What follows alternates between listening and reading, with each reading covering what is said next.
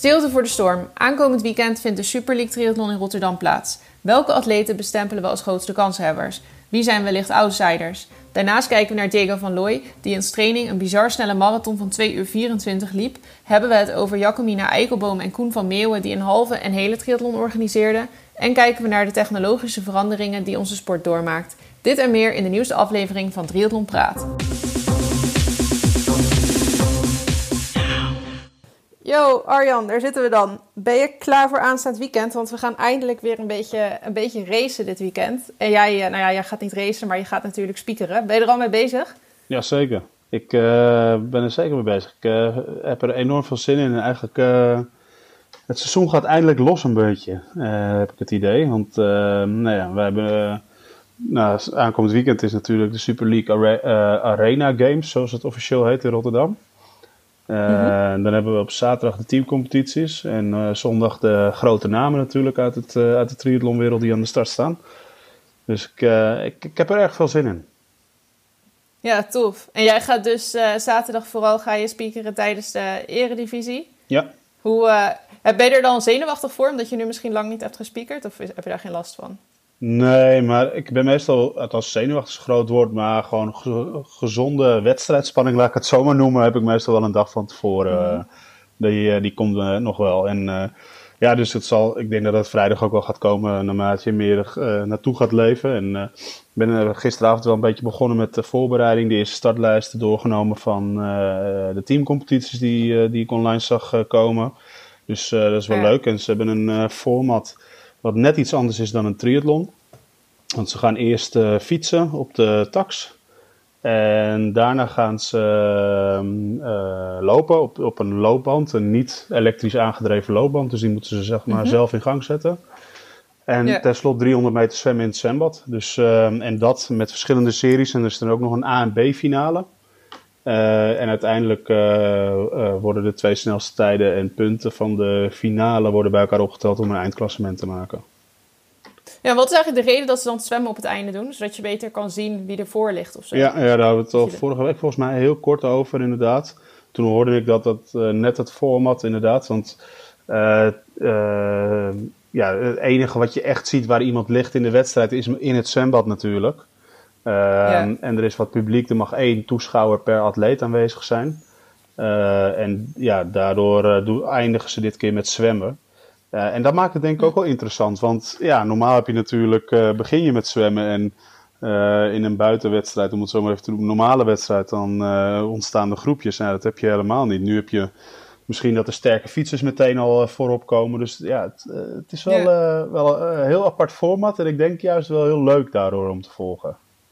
Ja, het is echt even anders. En het is allemaal gewoon super kort, hè? Ja. En die loopband, ik zat daar even over te lezen net op de site van uh, Super League. Dat schijnt ook echt gewoon veel meer van je lichaam te vragen dan een gewoon normale loopband. Want het is dus even voor de luisteraars een soort halve... We zeiden het volgens mij vorige week ook al even, maar het is een soort halve cirkel. Nou, niet ja. helemaal, niet zo, uh, niet zo stijl, maar... En uh, ik las dus op de site van Super League dat dat 32% meer zuurstof vraagt. En dat je hartslag 16% uh, hoger ligt. Dus dat is echt wel even een verschil. Ja, je moet echt als het ware die band op gang duwen steeds elke keer met je, met je stappen. Dus dat is wel... Uh, ja, ik heb er nog nooit op gelopen, maar wat ik, ik zag al een heleboel berichten op Facebook van atleten die of uh, zo'n loopband ergens zochten in hun omgeving, dat ze er een keer op konden oefenen, of dat ze hem ergens hadden gevonden en ermee aan het oefenen waren. Dus ik ben wel benieuwd wat ja. dat gaat opleveren. Ja, wat zijn jouw verwachtingen van het weekend? Qua, nou ja, op zaterdag dus de Eredivisie en voor uh, zondag uh, Super League. Ja, het is uh, ja. heel divers. Er staan een aantal sterke teams aan, de, aan de start. Als ik bij de Dolfijn, of bij de dames kijk, dan zie ik bijvoorbeeld Vero Mosa met Rani Skrabanja en Sophie van der Moster. Toch een, gewoon twee sterke dames. Mm -hmm. Staan daar aan de start. Um, bij de dames overigens, sommige teams die mochten starten met drie dames. Uh, omdat er uh, wat minder teams hadden ingeschreven. Dus er was wat meer plek. Dus konden de, dames met, de damesteams met, eventueel met drie starten. Um, ja, maar ook de Edo Sports heeft een sterk team bij de dames. Maar ik denk dat het, het, ja, het, is, het is lastig te voorspellen, laat ik het zo zeggen. En als ik dan, ja. als ik dan even snel een blik werk op, op de lijst van, uh, van de heren, ja, ook daar, daar zien we natuurlijk uh, Een grote afwezige vind ik wel, daar is Squadra, die ik niet op de startlijst zie staan. Oh ja. natuurlijk wel het team wat altijd hoge ogen gooide in de teamcompetitie, zeg maar. Maar niet aan de start mhm, nu staat. En dat blijft, ja, dan, dan is er, is er een heel breed veld daarachter altijd. Uh, Squadra hoort, behoort natuurlijk tot de top. Maar ja, er zijn uh, teams zoals uh, Rogelli Trimates, maar ook Torque TZ Twente of Trican. Trican start uh, Nieke voor. Dus mm ja, ik, ik, ik ben heel erg benieuwd. Ik durf het niet zo te zeggen, dit, is de, dit team is de ultieme favoriet, zeg maar. Ja, ja, en dat komt ook wel doordat je net zei inderdaad dat het gewoon even heel anders is. Dus dat het sowieso wat lastiger te zeggen is van hoe dat allemaal uh, ja, verloopt. Geen groepjes met fietsen. Gewoon, ja, eigenlijk is het natuurlijk niet echt een... Uh, nou ja, het is wel een triathlon. Het zijn wel de drie onderdelen, maar gewoon de volgorde is heel anders. En het is natuurlijk gewoon heel anders dat het op Zwift uh, plaatsvindt. Dat het uh, ja, op één plek gebeurt. Voor jou ook echt heel raar, want jij gaat daar gewoon rondlopen... terwijl daar allemaal mensen op een looppand en op de fiets zitten, gewoon naast je. Ja, ik, uh, we moeten dat even uh, gaan kijken hoe we dat exact doen. Want ik weet niet of ik te dicht bij de atleten in de buurt mag komen. Dus ik ga dat allemaal meemaken en dat is voor mij ook Ik denk vooral niet over de stekker struikelen, dan zal er wel... nee, dan, dan, dan, dan, heb je de, zeg maar, wat er toen gebeurde met een van die topatleten in die ja. Ironman VR race inderdaad. Oh, nee, die Swift race was dat. Die werd er toen uitgekikt inderdaad, omdat de man de stekker eruit trok. Ja, dat zou nog wel lullig zijn. Ja. maar je kunt wel echt goed de emoties zien. Je kunt straks echt even kijken van hoe... Uh, ja, dan kun je echt van dichtbij zien hoe stuk de... Ja, ook een beetje vergelijken. Maar goed, dat is aan de andere kant ook lastig inschatten van... wat de expressie van iedereen betekent. Ja, ja. Het lijkt me wel leuk om dat zo te zien van dichtbij. Ja, het lijkt me heel gaaf om dit een keer mee te maken. Maar ik kijk ook wel echt wel uit naar de eerste echte gewoon weer wedstrijden, zeg maar, eh, die... Uh, in, uh, in Nederland gaan plaatsvinden. Dus ik hoop dat dat ook weer. Uh, we hebben natuurlijk zelf. Nou, hebben vorige week hebben we dat aangekondigd al, dat we heel dichtbij zaten toen al in de podcast. maar nu ook vorige week, eind vorige week, kregen we het definitief te horen dat de vergunning voor een wedstrijd die wij organiseren, de Duin Triathlon in Almere, ook rond is. ja, um, ja supergoed nieuws. Ja, dus dat is echt super, super gaaf. En dat betekent ook dat daar inmiddels de inschrijvingen heel hard lopen voor 30 augustus. Dus dat, zit er ook alweer aan te komen. Dus het lijkt wel, ik, ik, het voelt een beetje als normaal in maart nu, dat we aan het vooravond staan van het seizoen. En dat in augustus. Ja. Dat, is ja, dat blijft raar. Dat hebben we echt al honderd keer gezegd. Maar het is gewoon heel gek. Ja, dat is het zeker. Ja, ja leuk. Maar dit weekend inderdaad gewoon weer even wat actie. En uh, zondag natuurlijk ook gewoon echte toppers aan de start. Ja. Wie uh, verwacht je daar dat het goed zal gaan doen? Vooral bij de vrouwen is het denk ik nog wel echt spannend. Ja, eh, ook daar. Hè. Het is, ook daar is het niet gewoon een uh, gewoon format. Een swim bike run, om het zo maar te noemen. Is een soort van triple mix format. Uh, met hele korte afstanden en ook hele korte pauzes tussendoor. Twee minuten pauze als ze gefinished zijn. Um, ja, ik ben wel erg benieuwd wie daar uh, het beste mee kan omgaan. Want uh, we hebben natuurlijk gewoon wereldtoppers als Javier Gomez, Johnny Brownlee, Richard Murray staan allemaal aan de start. Maar mm -hmm. ook zo'n ja. Pierre Lecor, dat is ook wel een man van het korte werk. Ja, die kan mm -hmm. dit ook wel heel goed aan. Dus ja, ik weet het nog niet zo goed, maar ik denk wel dat het een van die namen gaat zijn die ik, uh, die ik opnoem. Uh, en bij de dames moeten we denk ik heel erg gaan uitkijken naar Cassandra Beaugrand. Die samen met ja. Rachel Klamer wat mij betreft wel de grootste favorieten zijn. Ja, want ik zat dat even naar te kijken. En, um, want op Super League stond ook al een soort voorbeschouwing voor de wedstrijd. En toen um, schreven ze ook dat Javier Gomez bijvoorbeeld bij de mannen... dat die eigenlijk helemaal geen Swift-data zijn daarvan bekend. Dus dat is heel lastig te zeggen van hoe goed. Ja, dat is toch ook een bepaalde skill die je ontwikkelt natuurlijk. En bij de vrouwen is dat dus Beaugrand, die normaal waarschijnlijk topfavoriet zou zijn voor de winst. Nou, dat is ze natuurlijk nog steeds wel. Maar als je kijkt naar haar, uh, want dat vergeleken ze ook op de site, de, hoeveel watt ze per kilogram trappen, dan zit Beaugrand op 4,8. Ja. Terwijl bijvoorbeeld Klamer zit op 5,3 en Georgia Taylor Brown op 5,4. Ja, de, ik denk dat... En, ik denk en Leermond, haar grote concurrenten. Ja, ik denk dat we Georgia Taylor Brown absoluut niet moeten onderschatten. Dat dat ook nog wel een dame is die we in, uh, in oogschouw moeten nemen voor dit soort wedstrijden. En uh, wie weet wat uh, Maya Kingma kan. Maya heeft natuurlijk al laten zien ja. dat ze op de fiets en in die Swift races enorm goed mee kan. Dus ik, ik ben wel benieuwd. En we hebben ook nog een Belgische aan de start, Valérie Barthélemy. En mhm. de jongste waar we het al vaker over gehad hebben, de Nederlandse, Quinty Schoens, kan, kan die misschien op dat hele korte werk wel voor een hele verrassende uitslag gaan scoren? Je weet het niet. Het is, het is heel ja. lastig. Maar ik denk als je gewoon echt heel kijkt naar de resultaten van afgelopen seizoenen, dat je bij de dames Cassandra Beaugrand, uh, Rachel Klamer en Georgia Taylor-Brown, dat die wel om de podiumplaatsen gaan strijden. En bij de heren, ja, daar uh, is het normaal, is dat uh, Gavi Gomez, Johnny Brownlee, Richard Murray, nou, Jonas Schomburg, die schat ik zelf net wat lager in. Maar ja, Pierre Lecour, die, die zit er ook wel weer bij. Dus ja, het, het wordt heel spannend.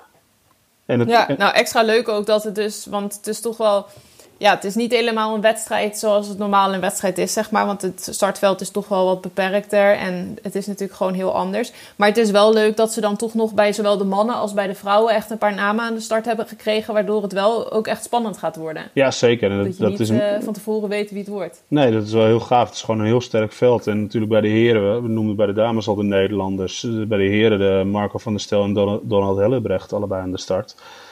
En eh, we weten ook dat die uh, jongens op het korte werk goed uit de voeten kunnen. En Marco die won uh, de allereerste triple mix in Nederland ooit georganiseerd. won hij toen in de eredivisie. Dus hij weet wat het is om dit soort formats te racen. Dus ja, ik ben wel erg benieuwd of hij misschien met een leuke uitschieter voor een verrassing kan zorgen ook. Ja, leuk. Ik hoop dat het een beetje goed te volgen gaat zijn dit weekend. Want ik ga natuurlijk achter de computer zitten. Nou, wat ik dus, begrepen dus, heb is dat er, uh, daarom is er voornamelijk op zaterdag is er, wat we al zeiden, één toeschouwer per atleet mag er aanwezig zijn. En op zondag is dat minder, omdat er een enorme cameracrew daar rondloopt.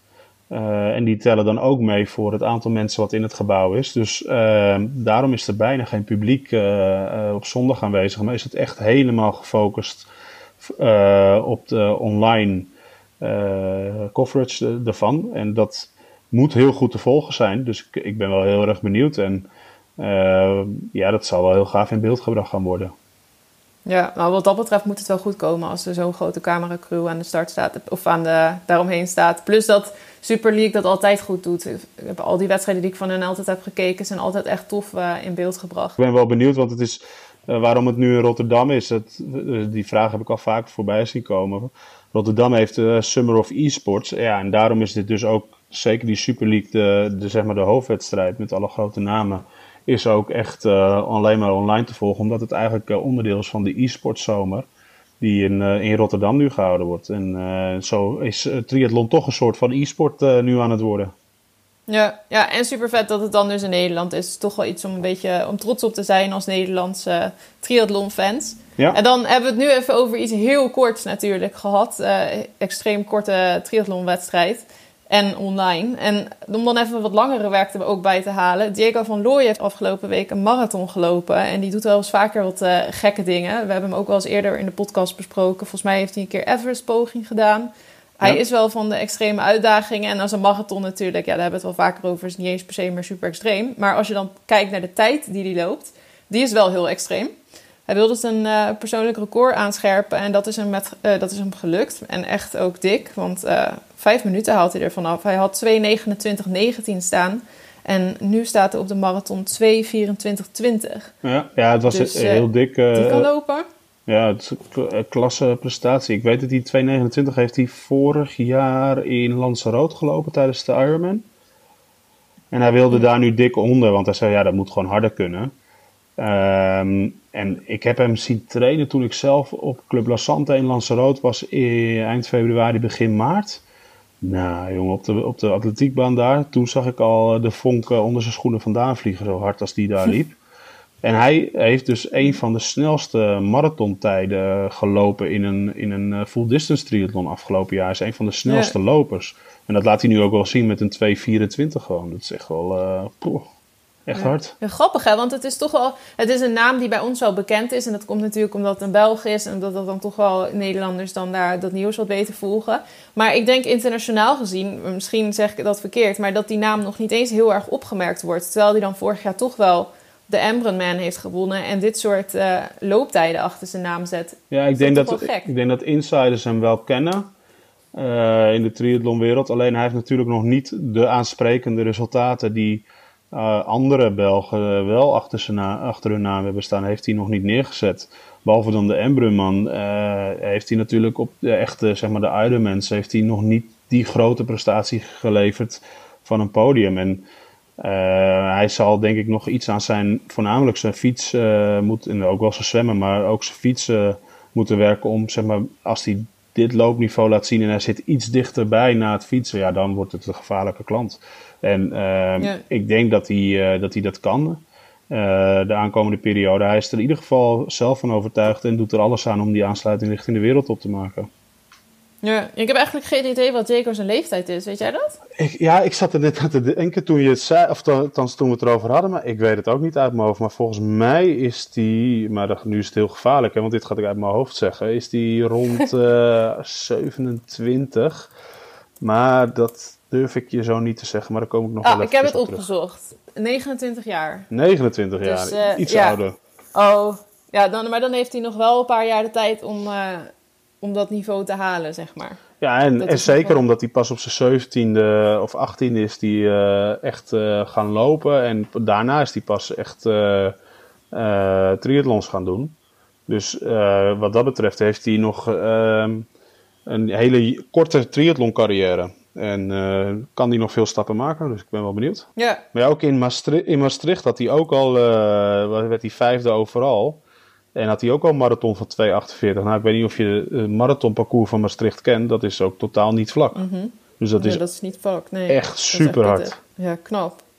Ja, bizar dat hij dat zo, uh, dat hij even zo'n prestatie neerzet. En ik was nog vergeten te zeggen, maar hij deed het dus ook. Want we noemden net al even dat hij vorig jaar Embraman heeft gewonnen. Maar dat was dus ook de reden dat hij nu die marathon deed. Omdat de Embraman natuurlijk uh, niet doorgaat dit jaar. Omdat hij daar toch wel zijn zinnen op had gezet. En om zo ja. toch nog een beetje aan zijn trekken te komen, denk ik. Nou, ik denk dat hij uh, alsnog op een heel raar seizoen met tevreden gevoel terug mag kijken. Als hij dan zo'n marathon in zo'n tijd loopt. Ook ja. voelt het misschien nog altijd niet helemaal echt. Nou, ik weet dat hij heel teleurgesteld was, uh, zag ik op, op social media, toen hij uh, vorige week ook uh, Ironman Nice werd gecanceld. Want dat was een van oh, ja. zijn hoofddoelen ook. En uh, ja, dus ik denk dat hij daarom extra gebrand was om een goede marathontijd neer te zetten. Ja, nou ja, als dat zo werkt, dan is dat wel mooi. Ja. En uh, nou, weer allemaal een beetje zo wedstrijdjes dus in Nederland. En dan was er afgelopen weekend ook eentje. Dat was dan geen officiële wedstrijd. De THP Invitational. En nou ben ik eigenlijk heel stom, want ik weet helemaal niet wat het betekent. Waar het voor staat. Maar ik weet wel dat het georganiseerd is door Jacomina Eikelboom en Koen van Meeuwen. Die, uh, die hoorden eigenlijk veel vrienden om hen heen zeggen dat ze trainden voor... Uh, het zijn trouwens allebei zelf ook triatleten. Ja. Dat ze trainden voor wedstrijden, voor halve triathlons of hele triathlons. Voor, nou ja, veelal hun eerste. En dat ze dan heel erg baalden dat ze deze winter zo hard hebben getraind uh, ja, om hun allereerste hele of halve triathlon te doen. En dat het nu allemaal niet doorging. Dus eigenlijk als een soort vriendendienst hebben zij toch een halve en een hele triathlon georganiseerd. Uh, op invitation, zoals de naam ook al doet vermoeden. Ik denk dat het staat voor tri, Trimates, Hellas en de P weet ik nog niet. Oh, Want ik, nou, volgens mij is over de P na. Koen is, is Trimates, Jacomina zit bij Hellas. En dan zal de P voor ook iets staan. Dus ik, nou, ik denk dat het daarop neerkomt. Misschien Papot, want ik zag dat Carlo Papot het sponsorde. Misschien dat de P, de P van Carlo Papot zou kunnen. Maar Nou, ik heb dat- geen idee. Dit is echt een hele wilde gok. Ja, nou dat zou wel grappig zijn inderdaad. Ja. Nou, maar leuk dat die zelf zo, eh, zoiets hebben georganiseerd. En het was ook een hele geslaagde dag. Ik had Jacomina even gesproken zondag. was de dag na de wedstrijd. Ze vertelde dat ze op de bank zat. Ze was helemaal uitgeput. Want eh, ik zei van, oh, heb je ook meegedaan? Maar ze zei, nee, ik heb het georganiseerd. En dat was misschien wel net zo vermoeiend als dan eh, zelf een triathlon doen. Want ze zei, je voelt je toch verantwoordelijk voor iedereen. En het was natuurlijk bloedheet zaterdag. ja. Dus dan eh, heb je toch wel een beetje de zorg dat het goed gaat met iedereen. Maar er waren geen problemen met de hitte. Volgens mij was, ze vertelde dat volgens mij één iemand op de halve was uitgevallen. Maar dat had niet met de hitte te maken. Er waren een, een stuk of twintig deelnemers. Ja, En eh, twee vrouwen die de hele hebben gefinished. ja, ga- Ja, gaaf hoor. leuk. Ja, leuk dat mensen dan dit soort dingetjes zelf eh, gaan organiseren. Het was trouwens nog de vraag, want ik zei van, zouden jullie het nou ook willen herhalen? Maar dat, eh, dat was niet per se het plan. Het was nee, het was echt gewoon eh, een soort van trainingswedstrijd voor nu de opvulling van mensen, omdat ze gewoon tijd over hebben. En dat, is, ja, dat zie je nog toch wel steeds meer. Ook eh, coachingsbedrijven die hun eigen triathlonnetjes organiseren. ja, erg leuk in ieder geval dat mensen in ieder geval wat kunnen doen. En nou ja, ik ben ook blij, want het was inderdaad erg warm. Dat ze goed naar onze tips van vorige week hebben geluisterd. En dat is goed naar je eigen lichaam luisteren en drinken, drinken, drinken. Maar uh, nee, dat is uh, Want het water was 26 graden, vertelden ze. Ja, bizar man. Dat is gewoon uh, gemiddeld zwembadtemperatuur. Dat is niet echt lekker. nee. Ik neem aan dat niemand met wetsuit zal hebben gezwommen. Ik weet eigenlijk niet wat de normale de richtlijnen zijn voor wanneer je dan zonder wetsuit. Maar ik neem aan dat 26 graden... 26, die valt daar zeker boven. Ja, dan is het een non-wetsuit swim, ja. Ook op een hele. Ja, dat lijkt me inderdaad niet best als je dat met wetsuit doet. Nee, dat is iets te, iets te heet. Heb je van de week het interview gelezen met Richard Beldrok, die uh, voor Triathlete, ja. als uh, CFO van de Challenge Family, hadden ze het over eigenlijk technologische ontwikkelingen binnen de triathlon. Ja. Hoe dat technologie steeds, ja, wedstrijden eigenlijk steeds meer verandert. En dat was wel interessant, vond ik, om te zien. jij zit daar veel meer met je neus bovenop natuurlijk. Ja. Jullie zullen daar ook wel veel mee bezig zijn. Ja, kijk, wij maken het steeds meer mee ook. En uh, ook in het interview geeft Richard aan voor bijvoorbeeld MyLabs met de timingmatten. Weet je, sommige wedstrijden passeer je wel 60 keer een mat bijvoorbeeld. Uh, en dat is niet alleen, mm -hmm. dat is uit verschillende oogpunten wordt zo'n mat neergelegd natuurlijk ook om valspelers te, eruit te halen. Want ja, dat kan je veel sneller opmerken met, met zulke matten. Dat als, als er hele rare verschillen ontstaan, dan kan je, dan zie je dat veel eerder. Uh, het heeft ook een soort veiligheidscheck, die matten. En uh, dat is echt wel een uitkomst die in de loop van de jaren steeds meer ontwikkeld wordt. Want mensen denken, nou ja, MyLabs legt daar en vroeger Championship, dat waren die matten. Maar ook dat wordt steeds weer ontwikkeld. Want ik weet dat ze sinds twee jaar met een andere chip bezig zijn. En dat is een chip waar weer meer mogelijkheden mee zijn, ook qua tracking van atleten. Dus uh, ook dat bedrijf gaat steeds verder en verder ontwikkelen. Maar je ziet natuurlijk ook, we hebben het volgens mij van het voorjaar, nee, van het najaar, want het was bij het Triathlon-congres over gehad. Uh, die, dat anti-stayer systeem wat uh, door Jeroen Visser uit mijn hoofd ontwikkeld yeah. werd. Yeah. althans in ontwikkeling is. Dus je ziet wel dat de technologie natuurlijk, je ziet het niet alleen in dat soort dingen, maar ook de technologie gewoon bij atleten. Steeds lichtere fietsen, steeds snellere fietsen, betere fietsen. En ook, uh, Fietsen met motortjes. Ja, ja, laten we daar maar niet over beginnen. uh, uh, ook dat, ja, daar is de UCI natuurlijk heel erg streng toen in geweest, omdat er een paar verdenkingen van waren. Maar ja. ik denk dat er heel veel technologische ontwikkelingen nog mogelijk zijn, maar dat het ook steeds sneller gaat. En dat je dat niet alleen als atleet ziet in bijvoorbeeld je materialen die je gebruikt, maar straks ook in de wedstrijden. Dus dat het, je hebt nu natuurlijk de live tracking is heel vaak op basis van nou ja, tussen mat 1 en 2 heb je, eh, dat is 10 kilometer, en heb je een half uur over gedaan. Dan mhm. verwachten we bij mat 3 10 kilometer verder weer over een half uur. En dan heb je een soort van semi-live tracker. Maar het is nooit echt live, want nou ja, toevallig staat de live tracker van Challenge Almere, als je de app hebt, staat nog steeds aan. En als iemand uitgevallen is, dan is die nog steeds, wordt die over een paar uur over de finish verwacht. Uh, nu nog steeds? ja, dat is, dat is, een jaar geleden. Dus uh, Evert bijvoorbeeld, die zou daar nog steeds uh, op de finish verwacht worden. Ja, ja weet je, dat soort dingen. Dat, dat is omdat het niet echt live is, maar een soort van semi-live zo'n trekker. Maar het is wel een, uh, mm-hmm. een opmars naar bijvoorbeeld straks echt live uh, ontwikkeling. Ik weet dat wij hebben afgelopen jaar bij de challenge met, en dat is dan op motoren getest die wij rond hebben rijden, zodat we precies weten waar welke motor reed. Trekkers, of trekkers geplaatst. Uh, die op basis van uh, GPS-signaal precies lieten zien. En die verversten elke twee seconden volgens mij. Waar een bepaalde motor op het wedstrijdparcours rijdt. En die worden uh, in de ja. toekomst zo klein dat je kan voorstellen. Die komen misschien wel op fietsen van atleten. En dat is één voor veiligheid, maar ook twee voor live volgen van, op afstand bijvoorbeeld. Dus dat kan steeds, kan steeds meer. Ja, het zou een stuk leuker zijn als je, als je een wedstrijd volgt en je hebt dat gewoon veel beter uh, in beeld. Want nu is het toch wel vaak, mensen denken ook wel eens dat het dan nog, dat die live tracker echt live is. En dan zijn ze verbaasd als iemand dan vervolgens niet doorkomt. Maar dat is inderdaad wat je zegt natuurlijk. Dat wordt gewoon berekend uh, ja, aan de hand van wat je daar, de ronde daarvoor gemiddeld hebt gelopen. Ja, en maar wat ik ook wel, want het, nu hebben we het over zeg maar ingewikkelde technologische dingetjes. Maar je hebt natuurlijk ook gewoon hele simpele dingen. Want vorig jaar tijdens Challenge Almere, toen uh, zat ik met jullie ook al in een appgroep met eigenlijk iedereen die ja, een soort van iets met de wedstrijd te maken had. Dat, dat zijn dingen die waren er natuurlijk twintig jaar geleden ook niet. En dan zie je hoe handig dat is dat iedereen gewoon constant op de hoogte is.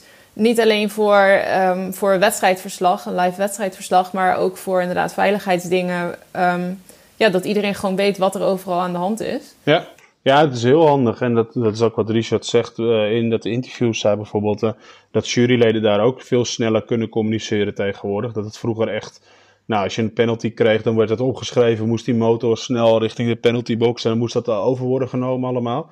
En nu sturen ze een appje met het startnummer en dan weten ze eigenlijk binnen twee, of althans binnen twee seconden weten ze bij de penaltybox, oh, die heeft een, een penalty gekregen. Dus de, de communicatielijnen zijn ook veel sneller door gewoon eigenlijk technologie wat wij als hedendaag nu gewoon gebruiken, WhatsApp, uh, maar ook je hebt allerlei, uh, alle, allerlei apps ook waar je via een soort walkie-talkie kan communiceren met elkaar in gesloten, gesloten groepen. Dus er is van alles waar je, waar je wat mee kan. ja. Dat, dat, maakt het wel heel leuk. En ik denk dat de volgende stap is precies wat al aangegeven wordt in het interview. Is straks echt dat we ook met drones veel meer gaan doen. Nu worden drones voornamelijk nog gebruikt voor uh, uh, opnames, foto's, uh, filmopnames om mooie beelden te creëren. Maar straks kan je daar ook misschien veel meer mee met, om atleten te volgen en daar ook beter de veiligheid van parcours en drukke situaties rondom evenementterrein in, in kaart te brengen. Ja, ja, want iemand gaf ook al als voorbeeld in hetzelfde interview dat uh, atleten herkend zouden kunnen. Ja, dat tijdens het zwemmen dat atleten eruit gepikt kunnen worden die bijvoorbeeld moeite hebben, die een onregelmatige zwemslag uh, hebben, of ja, waarbij het lijkt dat het niet helemaal goed gaat. Ja, ik vond het wel heel ver gaan. Heel ver gaan ook bijvoorbeeld dat je de hartslag zou kunnen monitoren van atleten. Ja. Toen dacht ik wel. Met een drone, of hoe zit dat dan? Nou, niet met een drone, dat is meer met de technologie, uh, die, die er, uh, gewoon andere technologie die er is natuurlijk, die steeds mm. beter is. Maar toen dacht ik wel van ja, als dat, als dat is, dan, uh, ja, dan, dat gaat wel ver. Maar bij de Noorse man gebeurt bijvoorbeeld al bepaalde dingen, want die slikken een soort van een pil om de lichaamstemperatuur te monitoren en daar gegevens van te verzamelen. En zo krijgen uiteindelijk, wat het gebruikt een soort, voor een soort onderzoek, krijgen artsen veel meer zicht hoe het lichaam reageert op extreme inspanningen. Maar ja, zo ver kan het in wezen gaan dat, uh, dat je echt helemaal medisch gevolgd wordt ook tijdens zo'n wedstrijd. Ik denk dat dat niet 1, 2, 3 zal gebeuren. Uh, maar ja, de, de, technologie is er in wezen allemaal. Ja, en voor dat soort dingen zou het super goed zijn als er zoiets is. Maar ik zit dan ook te denken, hoe bizar zou het zijn als je inderdaad een hartslag kan meten vanaf ja, de, de kant van het parcours. Uh, van, van de topatleten bijvoorbeeld, dan zou je ook kunnen zien van, uh, goh, als, je weet wat iemands maximum hartslag is, dan kan je ook een inschatting maken van hoe moeilijk iemand het heeft natuurlijk. Ja, maar dat, dat is natuurlijk al wat er wel gebeurt. Bijvoorbeeld bij de Tour de France zie je dat al. Dat een aantal renners hebben via uh, waarschijnlijk een sponsor die ze hebben, hebben een bepaalde hartslag uh, worden die gevolgd met hun hartslag. En die zie je dan in, uh, in beeld af en toe verschijnen als ze bijvoorbeeld demereren. En dan zie je uh, 170 van de 180. Dus die zit nu op 90% van zijn hartslag. En het is natuurlijk wel extra informatie die je nou, een paar jaar terug niet eens op tv zag. En nu wel steeds meer op tv ziet. Dus het, ja, ja, het wel grappige dingen. Ja, het, het, geeft wel meer informatie ook voor de toeschouwers uiteindelijk. En dat is wel heel erg leuk. Ja. Wat dat betreft is het ook nog uh, altijd extra jammer dat San Morin dit jaar niet uh, plaats heeft gevonden. Want dat waren natuurlijk ook gewoon, ja, dat heeft dan niet met hartslag te maken, maar dat waren ook toffe plannen om uh, echt wattages in beeld te hebben en snelheden, ja. zodat je echt goed kan zien van ja, wie hoe in de wedstrijd ligt. Ja, bij de Collins Cup inderdaad zou dat, was ja. dat wel een van de plannen inderdaad, om met wattages te laten zien en en dat soort verschillende dingen. Dus, uh, maar weet je, dat krijgen we volgend jaar gelukkig allemaal te zien. Dus uh, ik hoop echt dat dat uh, heel vet gaat worden. En we zien dat natuurlijk straks aankomend weekend al bij de, bij de Super League. Dan zie je de wattages al standaard in beeld, want dat meet Swift gewoon natuurlijk. Dus, ja. ook van de, ja. dus je ziet het al steeds meer. En als we dat nu al gewoon vinden bij zo'n Swift, zo'n zeg maar zo'n e-sports race, dan komt het misschien uiteindelijk ook wel gewoon in een gewone race uiteindelijk een keer is het te zien. En dat zou wel extra informatie geven en maakt het denk ik wel extra leuk ook. Ja, ja het lijkt mij in ieder geval echt een, uh, ja, een extra goede trekker om te gaan kijken naar, naar zo'n wedstrijd. Maar ja. uh, hey, volgende week kan jij ons dus alles vertellen over de Super League dit weekend. Zeker. Dat is wel tof. Ja, zeker. Je first-hand informatie. En dan ben ik wel benieuwd hoe jullie het, of ja, hoe jij, maar ook, ik weet dat Tim ook wel gaat kijken hoe jullie het ervaren hebben ja. on, uh, online. Want, want dat ga ik waarschijnlijk niet zien, omdat ik er natuurlijk ben. Al ga ik stiekem wel terugkijken s'avonds hoor. Maar eh, ik ben wel benieuwd hoe jullie dat dan ervaren hebben. Ja, of wij een beetje dezelfde wedstrijd hebben gezien eh, als jij. Ja, Tof. Nou, dan spreken we elkaar volgende week uitgebreid over, eh, over de Super League. Ja. Die dit weekend plaats gaat vinden. zeker. En dan gaan we ons opmaken voor nog maar een mooi triathlonseizoen. Laten we daar maar op houden. ja, half augustus gaan we ons daar nog eens even voor opmaken. Ja. Eindelijk. Yo, doeg! Doei doei!